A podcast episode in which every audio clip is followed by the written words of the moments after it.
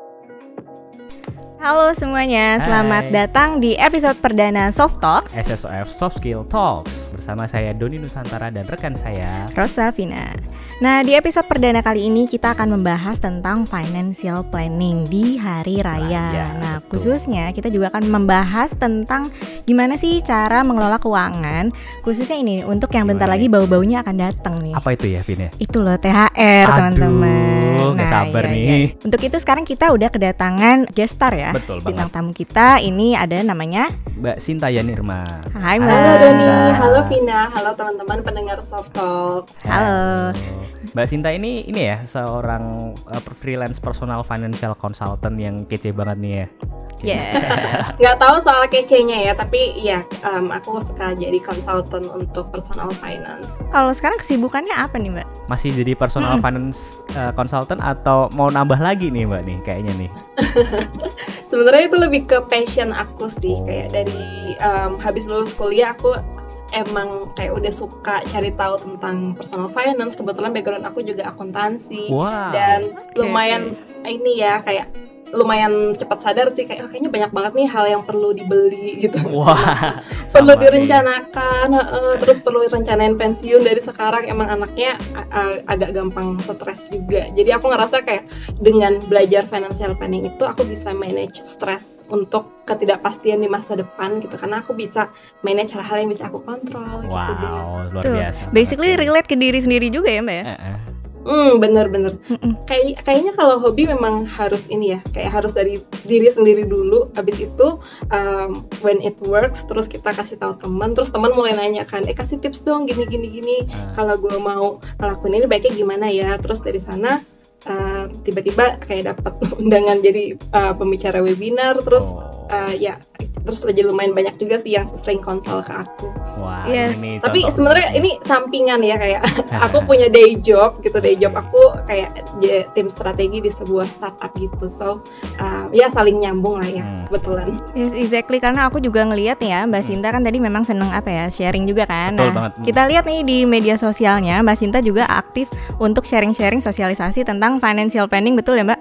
Iya iya betul Mm, ada di mana aja tuh? Ini Instagram nih aku cek nih followersnya 2400 k Yo. eh sorry 2400 nih keren banget nih impact-nya. teman-teman yang aku paksa follow sih dengar follow gitu Oke. Iya, aku paling sharing di Instagram aja dan sayangnya durasinya belum terlalu sering Hmm. suka nggak sempat tapi eh, ya kalau kalau lagi ada waktu aku suka sharing kayak story atau post gitu dan uh, I try to keep it light ya biar tetap relatable buat semuanya juga. Wow, di YouTube juga ki- kita cek ada loh. Ini ada Mbak Sinta ini pernah bikin kayak uh, monolog podcast gitu ya untuk membantu teman-teman UMKM sih untuk pengelolaannya gitu ya Mbak ya. Apa Wah. nih nama programnya? Nama YouTube-nya? Apa itu Mbak Ayu?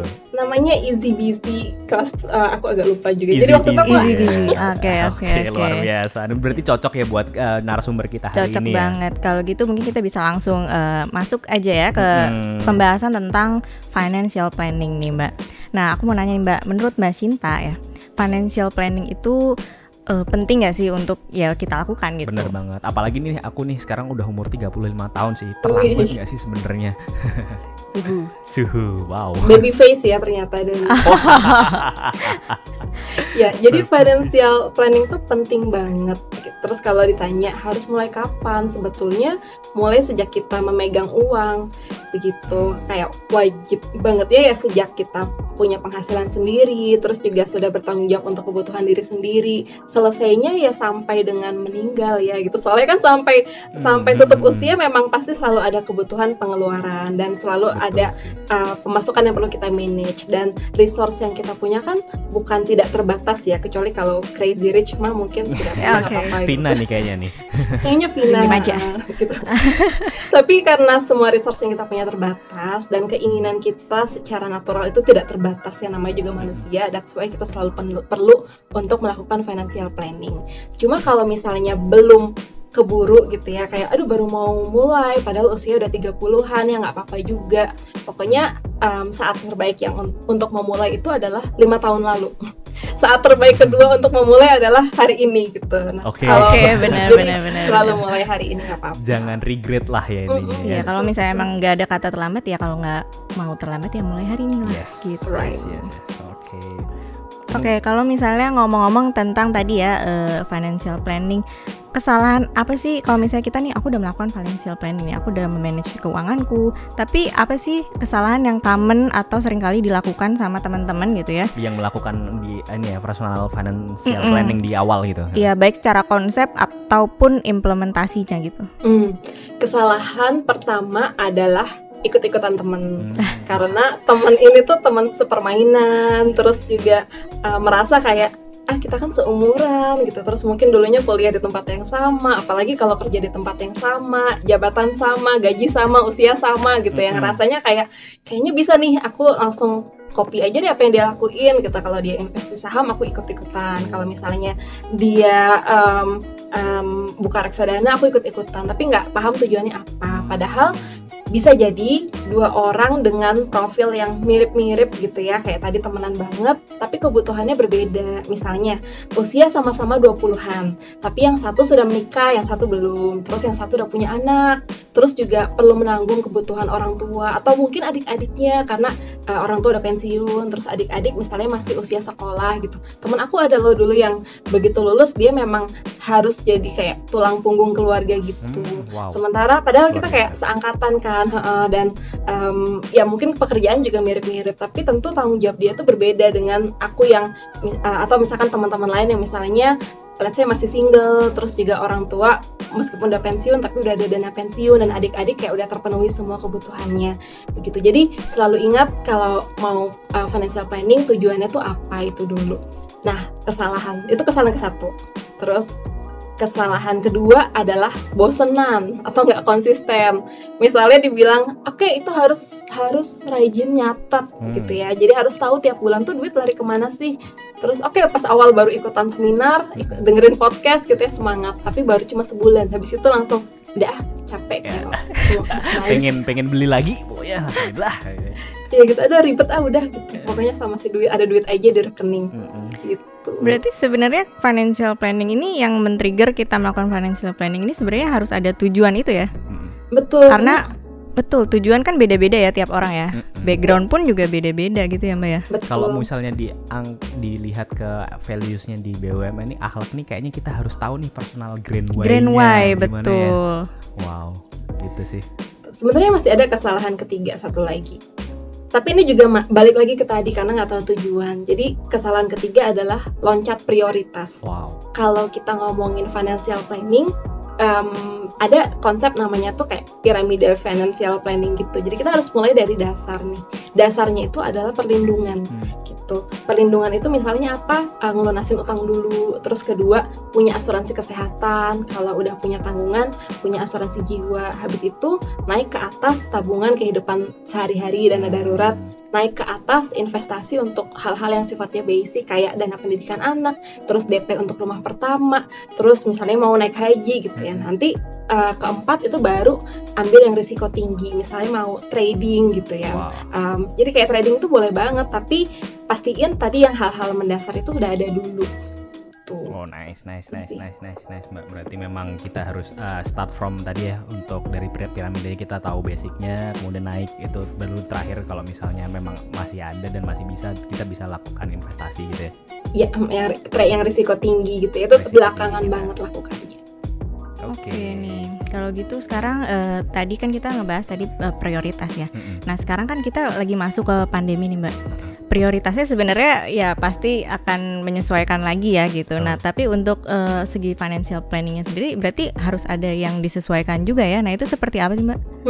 Bener banget. Eh, ketika awal pandemi, em, kayak penyesuaian financial planning tuh harus langsung dilakuin ya waktu itu. Misalnya kita lihat banyak sektor-sektor yang kedampak, akhirnya orang-orang yang bekerja di sektor itu antara penghasilannya berkurang atau em, bahkan kehilangan penghasilan gitu. Nah, untuk bisa menalangin itu apa sih harus dilakuin? Mumpung eh, ya alhamdulillahnya gitu ya, misalkan masih ada penghasilan dan penghasilannya juga aman, itu sediakan dana darurat.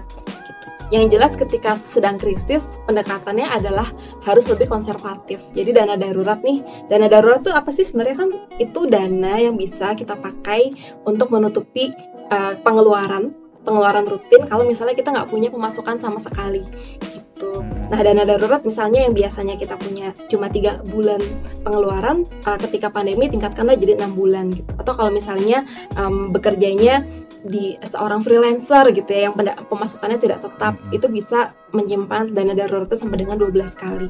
Terus selain dana darurat tentu juga pos-pos pengeluarannya perlu dipotong ya, perlu dipangkas. Eh, review lagi mana sih yang wajib banget gitu. Kita nggak bisa hidup kalau nggak mengeluarkan ini gitu. Misalnya kayak hmm. internet karena butuh untuk pekerjaan gitu, untuk makan.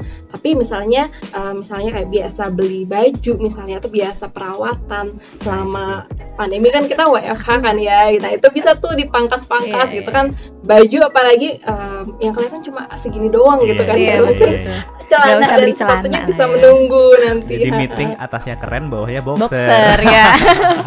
Oke oke oke. Betul betul. Oke tadi ngomong-ngomong untuk yang dana darurat itu harusnya uh, baiknya konservatif ya itu sorry mau agak sedikit lebih jelas apakah memang harus di lebih banyak targetnya untuk dana darurat atau memang sama atau seperti apa Mbak Emma untuk memudahkan kami aja gitu. Hmm. Kalau yang belum punya bisa mulai dengan punya dulu ya. Kalau sebelum pandemi uh, untuk teman-teman yang kerja di BUMN, aku sih atau apalagi masih single, menurut aku dana darurat itu tiga kali pengeluaran bulanan cukup ya. Karena nature-nya BUMN sendiri yang um, kayaknya PHK tuh jarang banget ya. Kayak really special case gitu. Alhamdulillahnya gitu, gitu. Kan iya. Nah mungkin yang tadinya um, tiga kali dana darurat selama pandemi ini bisa ditingkatkan tabungannya jadi enam kali pengeluaran bulanan dana daruratnya. Itu sih paling tipsnya keren banget nih Vin. Jangan lupa nih habis ini enam kali ya. Iya dan dan cara meningkatkannya itu pun sebenarnya gimana sih mbak? Kan tadinya aku cuma punya dana darurat berapa tadi? Tiga bulan ya? Tiga bulan nah cara ningkatinnya tuh gimana? Selain tadi kan ada disebut ngurangin pengeluaran, pengeluaran. Ha, cuman selain itu kalau misalnya ya udah nih pengeluaran aku sebenarnya dari dulu aku udah mentok-mentok aja gitu. Misalnya um, karena masih single terus mm-hmm. juga masih tinggal sama orang tua let's say dari 100% gaji sebetulnya pengeluaran kita itu sebelum pandemi 70% gitu ya 30 persennya bisa kita simpan berarti kita perlu dana darurat sebelum pandemi itu tiga kali pengeluaran kan alias 3 dikali 0,7 gitu atau kayak 2,7 dari eh sorry 2,1 dari gaji bulanan kita nominalnya segitu. Nah terus sekarang kan pandemi nih, terus kita perlu mengeluarkan eh menyimpan dana darurat 6 kali dari pengeluaran bulanan. Nah pertama-tama mungkin pengeluaran bulanan bisa kita pangkas dulu karena jarang ke kantor ya WFH. Yes, betul. Jadi tadinya 70% gaji bulanan, sekarang pengeluarannya tinggal 50%. Artinya ketika kita perlu menyimpan 6 kali pengeluaran bulanan itu 6 dikali setengah kali gaji bulanan jadi setara tiga kali gaji bulanan. Nah, berarti tadi kan uh, udah punya 2,1 kali gaji bulanan uh, ditambah jadi tiga kali gaji bulanan itu cukup nyimpan kayak 90% ya gaji bulanan.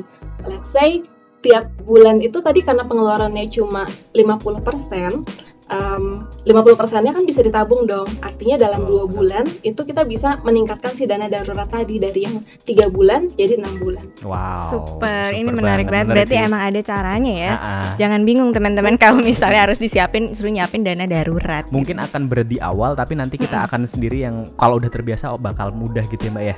Yes. Dan memang akan membantu kita juga kalau misalnya ada skenario yang tidak diharapkan. Benar, gitu benar ya. banget. Jangan lupa tuh apalagi ya misal ya kita nggak ada yang tahu mungkin kesehatan kan sekarang kita Betul. awarenessnya kan semakin tinggi gitu kan ya. Betul. Yeah, yeah. Wow. Oke, nah ini kan uh, kita tadi udah bahas pandemi, tapi kan sekarang ini vaksin udah mulai yes. jalan ya, gitu. Dan diharapkan nanti kita akan segera keluar dari pandemi ini. Nah, Amin. untuk financial planningnya sendiri, uh, kapan sih kita harus menyesuaikan lagi gitu, balik ke financial planning saat sebelum pandemi gitu, mbak? Betul, um, sekarang outlooknya udah lebih positif ya dengan adanya vaksin. Terus juga pemerintah kan udah merencanakan uh, vaksinasi untuk publik sepertinya dari Q3 2021 ya kalau nggak salah dan targetnya selesai enam bulan gitu. Jadi ya. dengan seperti itu harapannya pertengahan tahun 2022 ekonomi sudah bisa kembali seperti sebelum pandemi. Itu amin. Amin, harapan optimisnya. Nah, yes. jadi menurut aku sampai dengan nanti pertengahan 2022 nggak ada salahnya kalau kita tetap menjaga pola pengeluaran yang lebih konservatif ini gitu just in case aja kan biasanya prediksi tuh suka lebih cepat, suka molor. Ingat gak sih dulu waktu awal pandemi kita cuma mikir oh ini lockdown tuh cuma dua minggu kok, cuma dua Iya. minggu. Oh, cuman sampai Juli. Wah. Iya, cuma sampai Juli habis Welcome. Maret gitu kan. Tiba-tiba setahun Sampai lebih. 2021 sekarang kita ngobrol Iya. sama Mbak Sinta nih. Oke. Ngomong-ngomong nih Mbak, eh, eh, kita kan sekarang teman-teman Muslim ini sekarang udah masuk ke bulan Ramadan, artinya sudah puasa, nanti juga nan- ada Lebaran Idul Fitri. Tentunya kesiapan finansial itu pasti nggak kalah penting gitu kan Mbak ya. Mm-mm. Menurut Mbak Sinta, ada nggak sih penyesuaian terhadap financial planning di bulan Ramadan ini sih? Gimana? Ada nggak? Hmm, iya. Kalau menurut aku biaya makanan um, Wow. pertama ngomongin makanan dulu ya, Ya, pasti betul. kan Yes, apalagi yes. kalau lagi puasa nih dengerinnya pasti langsung kebayang nanti buka apa nanti sahur apa gitu kan Iklan sirup merajalela. langsung kebayang tuh visualnya Iya. nah anyway em, sebelum pandemi biasanya kita akan cenderung keluar lebih banyak biaya makan alasannya adalah karena kita sering buka bersama di luar gitu kan Yes, misalnya yes. seminggu dua kali aja buka buas buka puasa bersama. Weekend gitu ya. Terus puasanya empat minggu, berarti kan ada 8 kali. Terus 8 kali, let's say pengeluarannya minimal banget 300 kalau di Jakarta. Soalnya makan ditambah ojol gitu ya atau taksi online. Em, jadi berarti 2,4 juta sendiri gitu. Nah sekarang kan em, harusnya enggak ya harusnya nggak buka puasa bersama atau kalaupun Hmm. buka puasa sangat-sangat jarang lah paling dua kali aja. Berarti itu kan udah pengurangan banget tuh yang tadinya 2,4 juta misalnya start from sekarang jadi 600 ribuan aja. Nah, berarti ada selisih kayak 1,8 tuh bisa dihemat gitu. Tapi kalau untuk biaya masak di rumah menurut aku sih harusnya nggak berkurang ya karena porsi makan kita kan nggak berkurang digeser aja sebetulnya. Jadi Yes. waktu lagi merencanakan keuangan juga jangan terlalu optimis. Oh ini kan bulan puasa kita nggak makan siang gitu. Jadi kita kurangin setengahnya jangan nanti malah bengkak gitu karena tidak realistis. Iya, iya, iya, harus disesuaikan Begitu. lagi ke masing-masing gitu ya. Mm, mm, mm, mm. Aku kepo nih mbak, maksudnya kalaupun misalnya pandemi nggak ada pun, misal kita berbicara keadaan yang nggak ada pandemi nih, maksudnya kalaupun misalnya udah ada bukber itu gimana sih mbak? Maksudnya penyesuaiannya gitu biar nggak lebih boros di bulan Ramadan ini. Iya, karena kan justru biasanya yang dikiranya lebih hemat malah boros gitu Iya, di bulan banget. Ramadan gitu. Bukber A, bukber B sampai Z gitu. Yes. kita bisa antisipasi sih sebetulnya. Jadi em, pasti udah tahu kan misalnya oh nanti lebaran mau buka bareng sama temen TK, SD, SMP, SMA, kuliah, kerja gitu ya. Nah, itu alokasi budget bukbernya yang let's say yang tadi 2,4 juta itu bisa dicicil dari tiga bulan sebelumnya. Hmm. Jadi bagilah dengan tiga bulan gitu. Jadi kalau puasanya bulan Mei dari bulan Februari tiap bulan udah nyisihin 600 ribu buat nanti buka puasa bareng. Oh, luar Jadi biasa nih. Bahkan eh, aku baru nanya ini sekarang gitu. Iya. Nyisihinnya jangan ganggu saldo tabungan yang biasa. Ah. Nah, dengan itu, begitu begitu masuk bulan puasa kita tidak merasa bersalah kan dan juga tidak em, mengurangi jatah tabungan, jatah alokasi yang lain-lain, tetap bisa buka puasa dengan itu. Wow, perencanaan harus matang dan disiplin ya kuncinya Betul, ya. Wow. betul banget. Iya. Ini peribahasa zaman kecil dulu sih. Gimana sih? Bersakit-sakit dahulu, bersenang-senang kemudian. Asik. Kalau kita sih pengennya bersenang-senang dulu dan bersenang-senang Bersenang-senang nanti. terus. Kemudian ya betul betul. Oke. Oke, oke, oke. Kemudian Mbak, eh, ini di bulan Ramadan ini tuh maksudnya nanti kan teman-teman Muslim pasti ada perlu mengeluarkan dana-dana kayak misalnya zakat, kemudian Sedekah. THR, THR buat asisten rumah tangga, satpam dan sebagainya, dan mungkin bisa jadi bagi-bagi angpau ke teman-teman atau saudara gitu. Ada nggak sih tips mengatur pos pengeluaran tersebut gitu? Hmm, iya betul. Em, waktu dapat THR rasanya tuh kayak gede gitu ya, banyak banget uangnya. Cuma begitu ngelis semua yang harus dikeluarkan, tiba-tiba rasanya "Kok ini kayaknya bukan uang punya aku deh, ini kayaknya uang punya orang lain sebetulnya. Iya, iya, iya. Em, Iya sih. untuk prioritis, tentunya harus prioritisasi gitu ya, punya daftar prioritas. Nah, terus gimana tuh cara bikin daftar prioritasnya? Kita bisa pakai matrix, namanya tuh Eisenhower matrix. Jadi Hmm. intinya memisahkan mana yang priority, sorry, mana yang important dan mana yang urgent. Oke. Karena ada yang sifatnya important dan urgent. Itu berarti harus nomor satu dong duluan. Hmm, yes, yes, yes, yes. Terus ada yang important dan not urgent itu nomor dua bisa direncanakan Hmm. karena nggak harus sekarang pengeluarannya. Terus yang ketiga itu not important but urgent. Seperti apa nanti aku kasih contoh gitu. Terus yang keempat ada not important dan not urgent ya. Kalau ini kapan-kapan aja belinya. Jangan sampai Ini yang nomor empat dilakuin dulu ya itu dia. Mas Doni nih beli headset nih kesukaannya kan. Nah, sekarang kita kasih contoh ya, misalnya tadi yang yang important dan urgent itu misalnya di bulan puasa ini, di bulan Ramadan ini bayar zakat, bayar sedekah gitu. Terus masak menu lebaran gitu kan important dan urgent kan karena ya harus tanggal segitu nggak bisa diundur-undur lagi. Terus misalnya THR untuk orang tua, untuk uh, saudara-saudara yang masih kecil misalnya atau kalau kita mempekerjakan orang di rumah seperti ART atau satpam kompleks. Nah, itu bisa dikategorikan important dan urgent. Terus tadi ya misalnya penting tapi nggak urgent, misalnya em, cita-cita kita untuk nabung untuk DP rumah gitu atau untuk naik haji gitu ya itu kan penting tapi nggak harus bulan ini gitu jadi eh, alokasikan aja jadi dari THR tetap ada yang harus masuk ke sana tapi berapa persennya nanti bisa disesuaikan terus yang ketiga tadi yang nggak penting tapi urgent misalnya kirim hampers ke teman-teman nih menjelang lebaran Ini dia. Kebutuhan 2021. Betul. Betul, kebetulan zaman Instagram ini tuh namanya. Tapi eh, sebenarnya eh, kenapa nggak pentingnya tuh ya relatif ya. Tapi ini kan bukan tujuan keuangan kita jangka panjang, maksudnya tuh seperti itu. Dan ini bukan eh, kewajiban gitu. Kalau kayak tadi zakat atau THR kepada yang berhak itu kan kewajiban. Tapi kalau ini kan sifatnya lebih ke eh, silaturahmi. Jadi ya silahkanlah eh, boleh, tapi jangan lupa yang dua tadi dulu. Oke, sebenarnya berarti ya salah saja ya, boleh-boleh banget kalau misalnya kita mengalokasikan eh, dana THR kita buat tadi yang not urgent and not important, asal memang mengikuti prioritas dulu ya, Betul. Gitu. Kita kalau alat bantu tulisnya tadi Eisenhower matrix gitu ya. Iya, Betul. betul. Nah sekarang kalau misalnya untuk eh, yang jangka panjang, DP rumah dan gitu misalnya persiapan nikah gitu. Iya benar. Hmm. Vina nih habis ini nikah nih, besok banget nih. Aduh, aduh, aduh. Ya, silakan lanjut ke jawabannya. Terima kasih.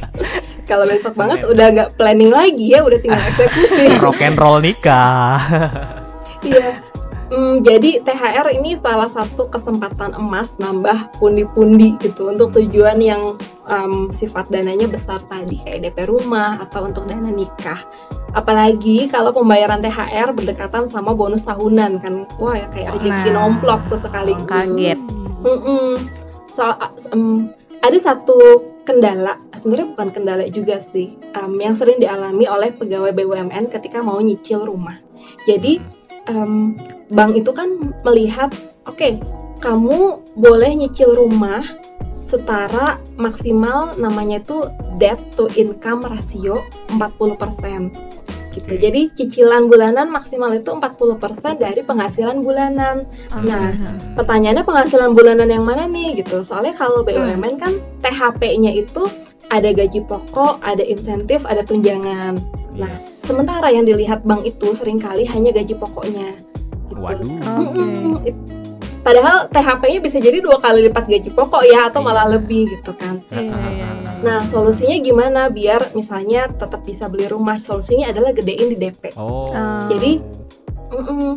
ada ilustrasi nih misalnya mau beli rumah harga 500 juta rupiah terus biaya em, kalau DP-nya 15% itu 75 juta berarti kan DP-nya tapi gaji pokoknya akan minimal itu 10 juta untuk bisa menyicil selama 15 tahun Oh. kalau kita tambah DP-nya jadi 150 juta atau dua kali lipat yang tadi, nyicil 15 tahun itu gaji pokok minimalnya cukup dari 6 juta aja. Oh. Itu nggak ngelihat ini ya cuma misal kalau ada dua misalnya itu income-nya suami istri itu dihitung penghasilan bulanan suami istri atau hanya salah satunya aja gitu Bu?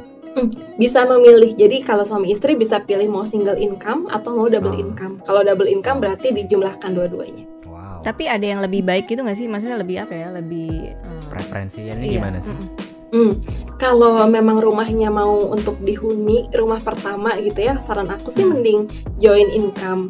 Paling eh, biayanya agak lebih mahal aja di awal. Jadi kan untuk KPR itu ada namanya biaya provisi. Biaya provisi itu sebetulnya em, premi asuransi jiwa untuk orang yang membayar KPR tersebut. Nah, jadi kalau misalkan double income ya berarti premi asuransi yang dibayarkannya dua kali lipat aja. double. Double. Iya, Hmm. Iya. sorry Mbak, mungkin kita balik lagi ke ini nih uh, Ramadan nih. Kita tadi agak Iya, ke Ramadan gitu. agak sedikit Tapi tadi. penting nih pasti buat teman-teman pendengar podcast Soft Talk ini sih pasti ini in- informasinya sangat berharga gitu ya. Balik lagi kalau misalnya nih untuk THR tadi kan udah nikah nih Mbak, maksudnya pasanganku tuh juga ada penghasilan juga itu. Baiknya tuh THR-nya dijadikan satu atau pengalokasiannya seperti apa sih gitu? Hmm, kalau istri bilangnya udah dikelola istri aja semuanya. Aduh, Vina, Vina. Aduh, sini sini. nggak ada yang bercanda. Jadi tiap tiap pasangan itu pasti punya pakem pengelolaan keuangannya sendiri-sendiri ya. Temen Mm-mm, aku, betul. kayak temen aku sendiri tuh ada yang em, istrinya dia merasa kayak aku nggak nggak nggak jago kelola uang dan itu bikin aku stres katanya. Mending suami aku aja yang kelola. Jadi kayak gaji dia dia, dia sumbang berapa untuk rumah tangganya sisanya tuh buat dia habisin aja kayak buat menraktir anak-anaknya atau buat dia senangin diri sendiri. Nah begitupun untuk THR dia prefer yang alokasinya itu suaminya. Jadi suaminya langsung bayar em, gaji ART gaji neni gaji supir kayak gitu. Tapi em, bagaimanapun uh, ada juga yang semua seru, apa namanya dikelola bersama gitu kan ya. Bagaimanapun pengelolaannya ingatlah kalau dapat dua jatah THR itu artinya ada dua keluarga besar yang perlu diperlakukan secara seimbang dan adil. Oke oke oke. Benar benar Iya. Jadi nggak har- nggak hanya satu ya sekarangnya ada dua, Dua, gitu ya. betul. Jadi prioritas prioritisasinya sama seperti sebelumnya tadi ya. Tetap perlu mapping mana nih yang important dan urgent. Misalnya tadi kalau kasih THR ke orang tua berarti ke orang tua juga ke mertua juga. Terus kalau mau kasih ke keponakan keponakan keponakan dari pihak suami keponakan dari pihak istri gitu kan. Makin banyak ya mbak ya. betul.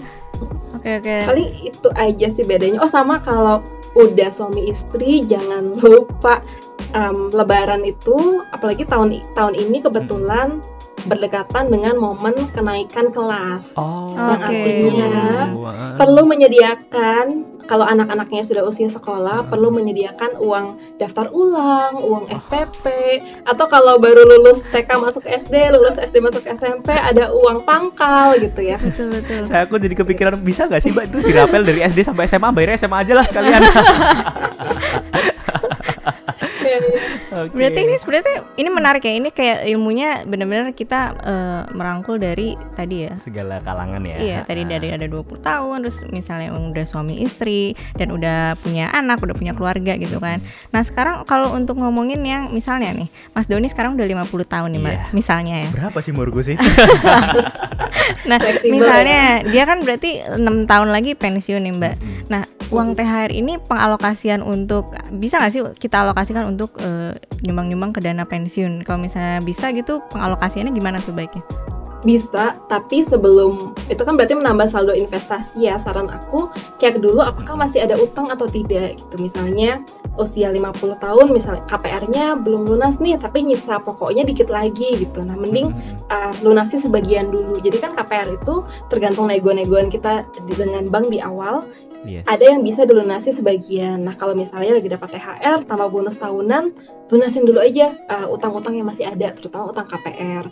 Selain utang KPR juga yang masih ada biasanya utang kartu kredit atau Mm-mm. pinjaman online atau misalnya utang KTA ya kredit tanpa agunan begitu. Apalagi nih kalau utang KPR sebenarnya masih rada mending bung- uh, bunganya itu kan setahun sekarang dari 6% sampai 12 persenan. Kalau utang kartu kredit tuh kartu kredit juga masih agak mending sih. Tapi utang pinjol tuh sehari itu Wow. bunganya iya, nol- betul. 0,8 persen. Mm-mm. Jadi ut- lunasi utang dari yang bunganya paling besar dulu. Nanti setelah utangnya lunas, um, untuk yang mau pensiun ada satu lagi sebelum ke investasi yaitu pastikan soal asuransi. Wow. Proteksi itu ya maksudnya? Asuransi Proteksi, jiwa ya betul. mbak maksudnya ya? Atau asuransi kesehatan atau gimana? Kalau menurut aku pensiun umur 50-an, Mm-mm. jadi gini, asuransi jiwa itu perlu kalau ada orang lain yang nafkahnya tergantung sama kita. Oke. Jadi kayak aku nih, aku udah punya anak dan aku kebetulan menghasilkan juga. Aku perlu asuransi jiwa gitu. In case terjadi sesuatu sama aku, nanti anak aku akan dapat santunan gitu dan dia bisa pakai dana itu untuk hidup sampai dia bisa berdiri di kaki sendiri gitu ya. Hmm. Kalau usia 50-an misalnya, terus kebetulan anaknya udah lulus kuliah, udah bekerja, sebetulnya udah nggak perlu asuransi jiwa. Hmm. Gitu. Mm-mm, karena kalau ya dipanggil yang maha kuasa, anaknya sudah bisa melanjutkan hidup sendiri Udah kan. bisa udah berdiri di kaki sendiri ya. Betul. Betul. Tapi asuransi kesehatan sebetulnya gitu. Ingat kalau usia 50-an itu biasanya udah banyak kondisi medis yang timbul gitu ya. Betul, Beda dengan betul, usia betul. masih 20-an, 30-an. Nah, cek lagi dengan HR kantor masing-masing nanti setelah pensiun coverage-nya itu apa saja gitu. Bisa jadi masih full seperti sekarang bekerja gitu. Bisa jadi dikurangin gitu. Soalnya aku tahu ada yang seperti ini. Um, misalnya setelah pensiun yang di cover itu parsial hanya rawat inap tapi rawat jalannya tidak. Berarti kan Ah. perlu mencari asuransi kesehatan tambahan tambahan untuk rawat jalan. Ada juga yang uh, ketentuannya uh, setelah pensiun nanti memang sudah tidak ditanggung tapi akan dikasih santunan sekaligus untuk pengganti fasilitas kesehatannya. Nah em, itu bisa jadi kayak planning untuk asuransi kesehatan. Soalnya kenapa harus sebelum pensiun? Kalau udah pensiun terus baru daftar asuransi kesehatan sangat kecil peluangnya akan diterima. Itu biasanya akan ditolak oleh perusahaan asuransinya. Kenapa tuh, dia Mbak? punya dia punya batasan umur maksimal. Oh. ada yang seperti itu. Jadi maksimalnya let's say 50 tahun. Beda-beda ya tiap perusahaan asuransi. Terus juga sebelum em, polis kita pengajuan polis kita diterima kita harus melakukan em, apa namanya? Check up cek kesehatan Hmm, betul. Hmm, check up hmm. dulu seluruh badan dan kalau ya amit-amit gitu ya udah Hmm. muncul kondisi kesehatan. Kayak misalkan penyakit jantung diabetes itu jarang yang diterima gitu jadi mending dari sebelum pensiun kalau bisa malah dari usia 40-an udah mulai planning ini udah nanya ke HR kebijakannya seperti apa dan udah punya backup asuransi kesehatan Mungkin lebih baik lagi dari umur 20-an gini ya, kita tetap jaga kesehatan ya, mungkin pola makan, Iya, pola betul. istirahat, olahraga Yes. gitu ya, Mbak ya. Dan sebenarnya nggak ada salahnya juga kalau misalnya kita dari sekarang emang udah punya BPJS, betul kan? Benar-benar. Dan seda- sedini mungkin gitu ya, Mbak ya. Yes. Wow. betul Oke, ini mungkin pertanyaan terakhir nih, mungkin eh, paling relate sama Vina Oh gimana tuh, iya. Gini nih Mbak, jadi kan kalau di perusahaan kami ini ya. THR ini kan diberikannya eh, di saat hari raya Lebaran ya. Betul banget. Gitu. Ini juga berlaku buat semua teman-teman kita yang hari rayanya itu eh, berbeda. Jadi misalnya contohnya Natalan, Betul. Imlek gitu kan. eh, gapnya itu jauh ya dari Lebaran. Nah, gimana sih Mbak caranya kita mengelola THR ini gitu ya? Kita udah dapat nih pas Lebaran. Gimana sih cara kita kelola THR ini? Apakah eh, ya kita simpen aja sampai nanti Mm-mm. buat eh, Natal gitu misalnya ya? Atau mm, kita harus masukin ke kantong yang mana nih Atau untuk gimana? THR ini? Betul. Saran aku satu aja sih pura-pura lupa Pura-pura gila tuh, pura-pura Mbak. lupa Nanti gitu. kalau lupa kepake gimana Mbak? ya ya anggap aja kita belum terima gitu soalnya kalau em, ya anggap belum terima terus investasikan aja dulu gitu taruhnya antara di deposito atau enggak di reksadana pasar uang Hmm. kalau kenapa di deposito karena ya paling aman ya gitu kan dijamin oleh lembaga penjamin simpanan kalau reksadana pasar uang juga sebetulnya secara historis nilainya tidak pernah turun tapi dia returnnya masih di atas deposito Hmm. Terus kedua-duanya itu bisa dicairkan hampir anytime ya. Kalau deposito paling tunggu jatuh tempo, jatuh temponya bulanan. Kalau reksadana pasar uang bisa dijual dalam maksimal lima hari kerja akan masuk ke rekening kita saldonya. Oh. Liquid Kenapa tadi aku bilang berarti. "Hmm, sangat-sangat liquid? Kenapa aku bilang pura-pura lupa? Soalnya em, terlepas dapat duitnya kapan, pengeluarannya itu kan pasti akan menjelang hari raya kan. Iya. Misalnya kayak untuk Natalan atau Imlek pasti untuk kirim hampers, udah gitu untuk dekorasi rumah, pohon Natal atau lainnya, juga untuk eh, ngasih THR ke yang di sekitar rumah, ngasih angpau gitu. Pasti kan menjelang hari raya. Jadi kalau uangnya di tabungan kita sekarang juga kayak untuk apa ya takutnya malah terpakai untuk yang lain mending diinvestasikan tadi dulu diparkir dulu gitu saat jatuh temponya adalah menjelang si hari raya yang kita rayakan nanti Ya. biar kita nggak lupa set reminder di kalender gitu cairkan deposito Betul, Oke. Vin. cairkan Jangan langsung ya. Jangan langsung kepake. Nah, gitu. investasinya jangan Mm-mm. ke e-commerce yang biru atau oranye Oke, ya, langsung iya, di check out oke, gitu baik, ya. Baik, baik, Oke, oke, oke, oke. Oke Mbak, eh, mungkin kita masuk ke sesi terakhir sih Mbak untuk podcast ini gitu. Kita ada rapid fire question. Yes. wow aku udah Itu? Yes, jadi seperti bunyinya sendiri rapid itu cepat ya. Jadi kita akan memberikan pertanyaan eh, dikit aja kok pertanyaan ke Mbak Cinta secara cepat dan dijawabnya pun juga harus cepat. dan ada alasannya ya kenapa ya Mbak ya. Hah. Betul. berat banget ini Alah santai aja Mbak. Tenang Bang akan dijudge. Oke, Oke deh. pertanyaan pertama Vin. kita mulai ya. Jadi pertanyaan pertama, mending buka bersama tapi uangnya habis buat bukber atau nggak bukber tapi hemat ya kan? Atau uh, ansos gitu ya? Mm -mm. Hmm, mending nggak bubur tapi ansos. Wah, kenapa Wow. tuh penasaran banget nih. banget. Kenapa nih? Ayo, ayo, ayo. Karena kalau aku lagi banyak kebutuhan sekarang gitu ya, Hmm. jadi oke ya nggak apa-apa lah aku ansos dulu, aku parkir ke hal-hal yang memang tadi important dan Oke. urgent. Nanti setahun kemudian aku jalin kembali relasiku dengan teman-teman yang aku asingkan. Wah, berarti praktek tadi ya Iya, untuk betul. matriks prioritasi prioritisasi ya. Betul sekali. Oke, pertanyaan kedua nih, Mbak. Mending mudik tapi uangnya habis atau tidak mudik tapi banyak pengeluaran seperti misalnya THR asisten asisten rumah tangga, kemudian asisten rumah asisten rumah tangganya pulang kampung terus kita jadi laundry dan sebagainya. Jadi masak juga gitu. Kalau gitu mending mudik tapi uangnya habis. Kenapa tuh? Kenapa tuh? Kenapa? kenapa? Ini asum- ini. Asumsinya nggak ada covid ya. Iya, gitu. iya, iya, asumsi nggak ada. Iya, soalnya kalau em, mudik uang habis ya asumsinya uang THR yang habis gitu bulan depan bisa dapat lagi dari gaji utama. Tapi kalau misalnya nggak mudik terus em, bayar THR juga dan asisten rumah tangganya pulang kampung itu berat banget, berat banget. Aku nggak sanggup.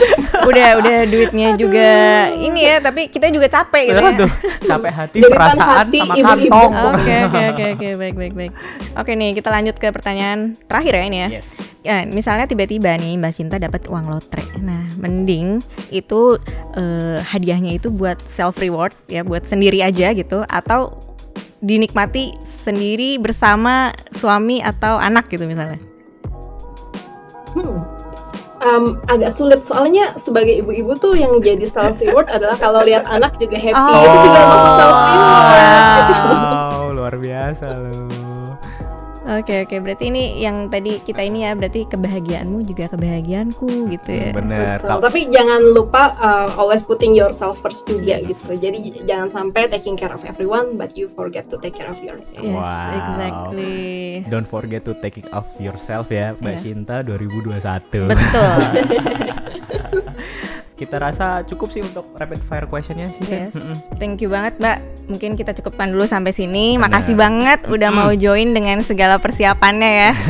Ini seru banget. Seru banget. Mm-mm. Thank you so much Doni dan Vina for having me. Aku juga have fun sih. Um, ya mudah-mudahan apa yang aku sampaikan Amin. tadi bisa bermanfaat ya dan teman-teman yang denger juga bisa relate dengan uh, obrolan kita tadi. Amin, Hmm. setuju. Nah, kalau misalnya Mbak Sinta tadi medsosnya ada yang aktif gitu, apa aja nih mau tahu dong? Boleh disebutin di sini. Siapa tahu dari teman-teman pasti mau mengakses. Hmm. Kan pasti berguna juga nih buat teman-teman. Yang paling aktif Instagram aku latte and bed. Jadi kopi susu dan kasur gitu. ya. Latte L A T T E ya. Iya.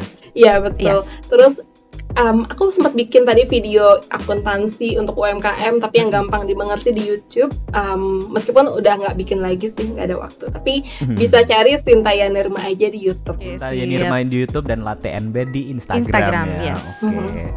Ada satu lagi sih, tapi aku agak malu ini bilang. Gimana nih, Mbak? Soalnya ini TikTok. Oh, nggak apa-apa Wah, lah. justru Justru TikTok lagi naik algoritmanya banget. bagus banget tuh, Mbak. Benar, Hmm. benar, benar, benar. Sangat bisa dimanfaatkan, betul. Apa Apa, nih? Mm-mm. Ini aku baru mulai iseng-iseng aja, jadi feel free to follow. I'll follow you back gitu. Um, latte and bed juga sama. Oke, Yes, sama kayak Instagram oke. ya berarti ya.